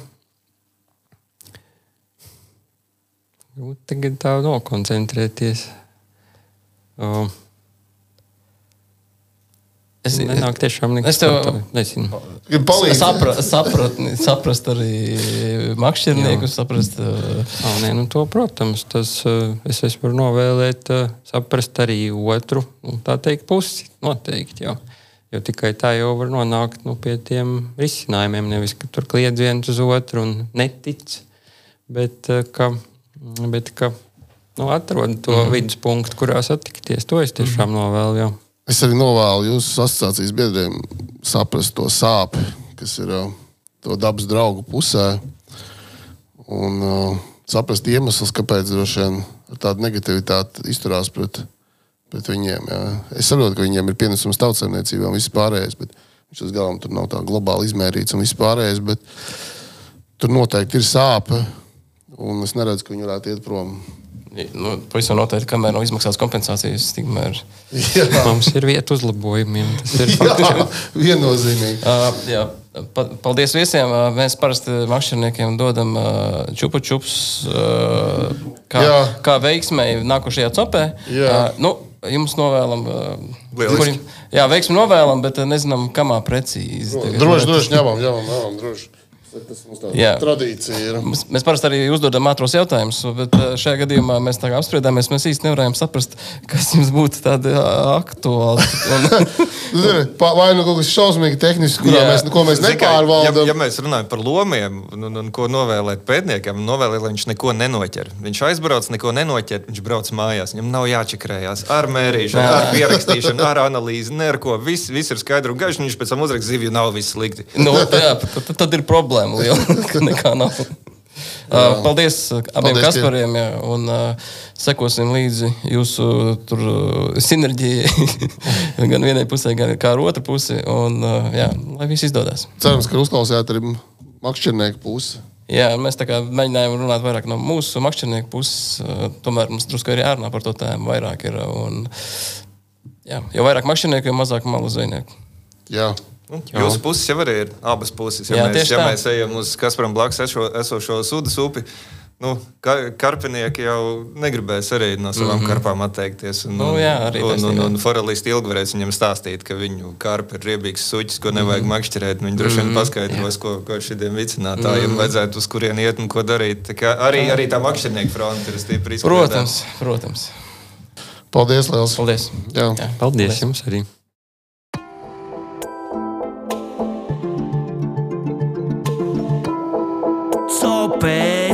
Frekvencē. Ja tu metrus ķer un boilas rullē, stundām skaties pludiņā un rezultāts nav nulle. Ja tev vizuļiem un bobleriem ir pilnas somas un tev džigošana regulāri pienāc lomu. Ja tu mīli pabūt dabā, celties agri aizbraukt copēt un copes sacensībās arī mīli forsēt. Ja tev pasaka neasakas un atbildi tu necenzē, mēs esam vienā vilnī, esam copes frekvencē.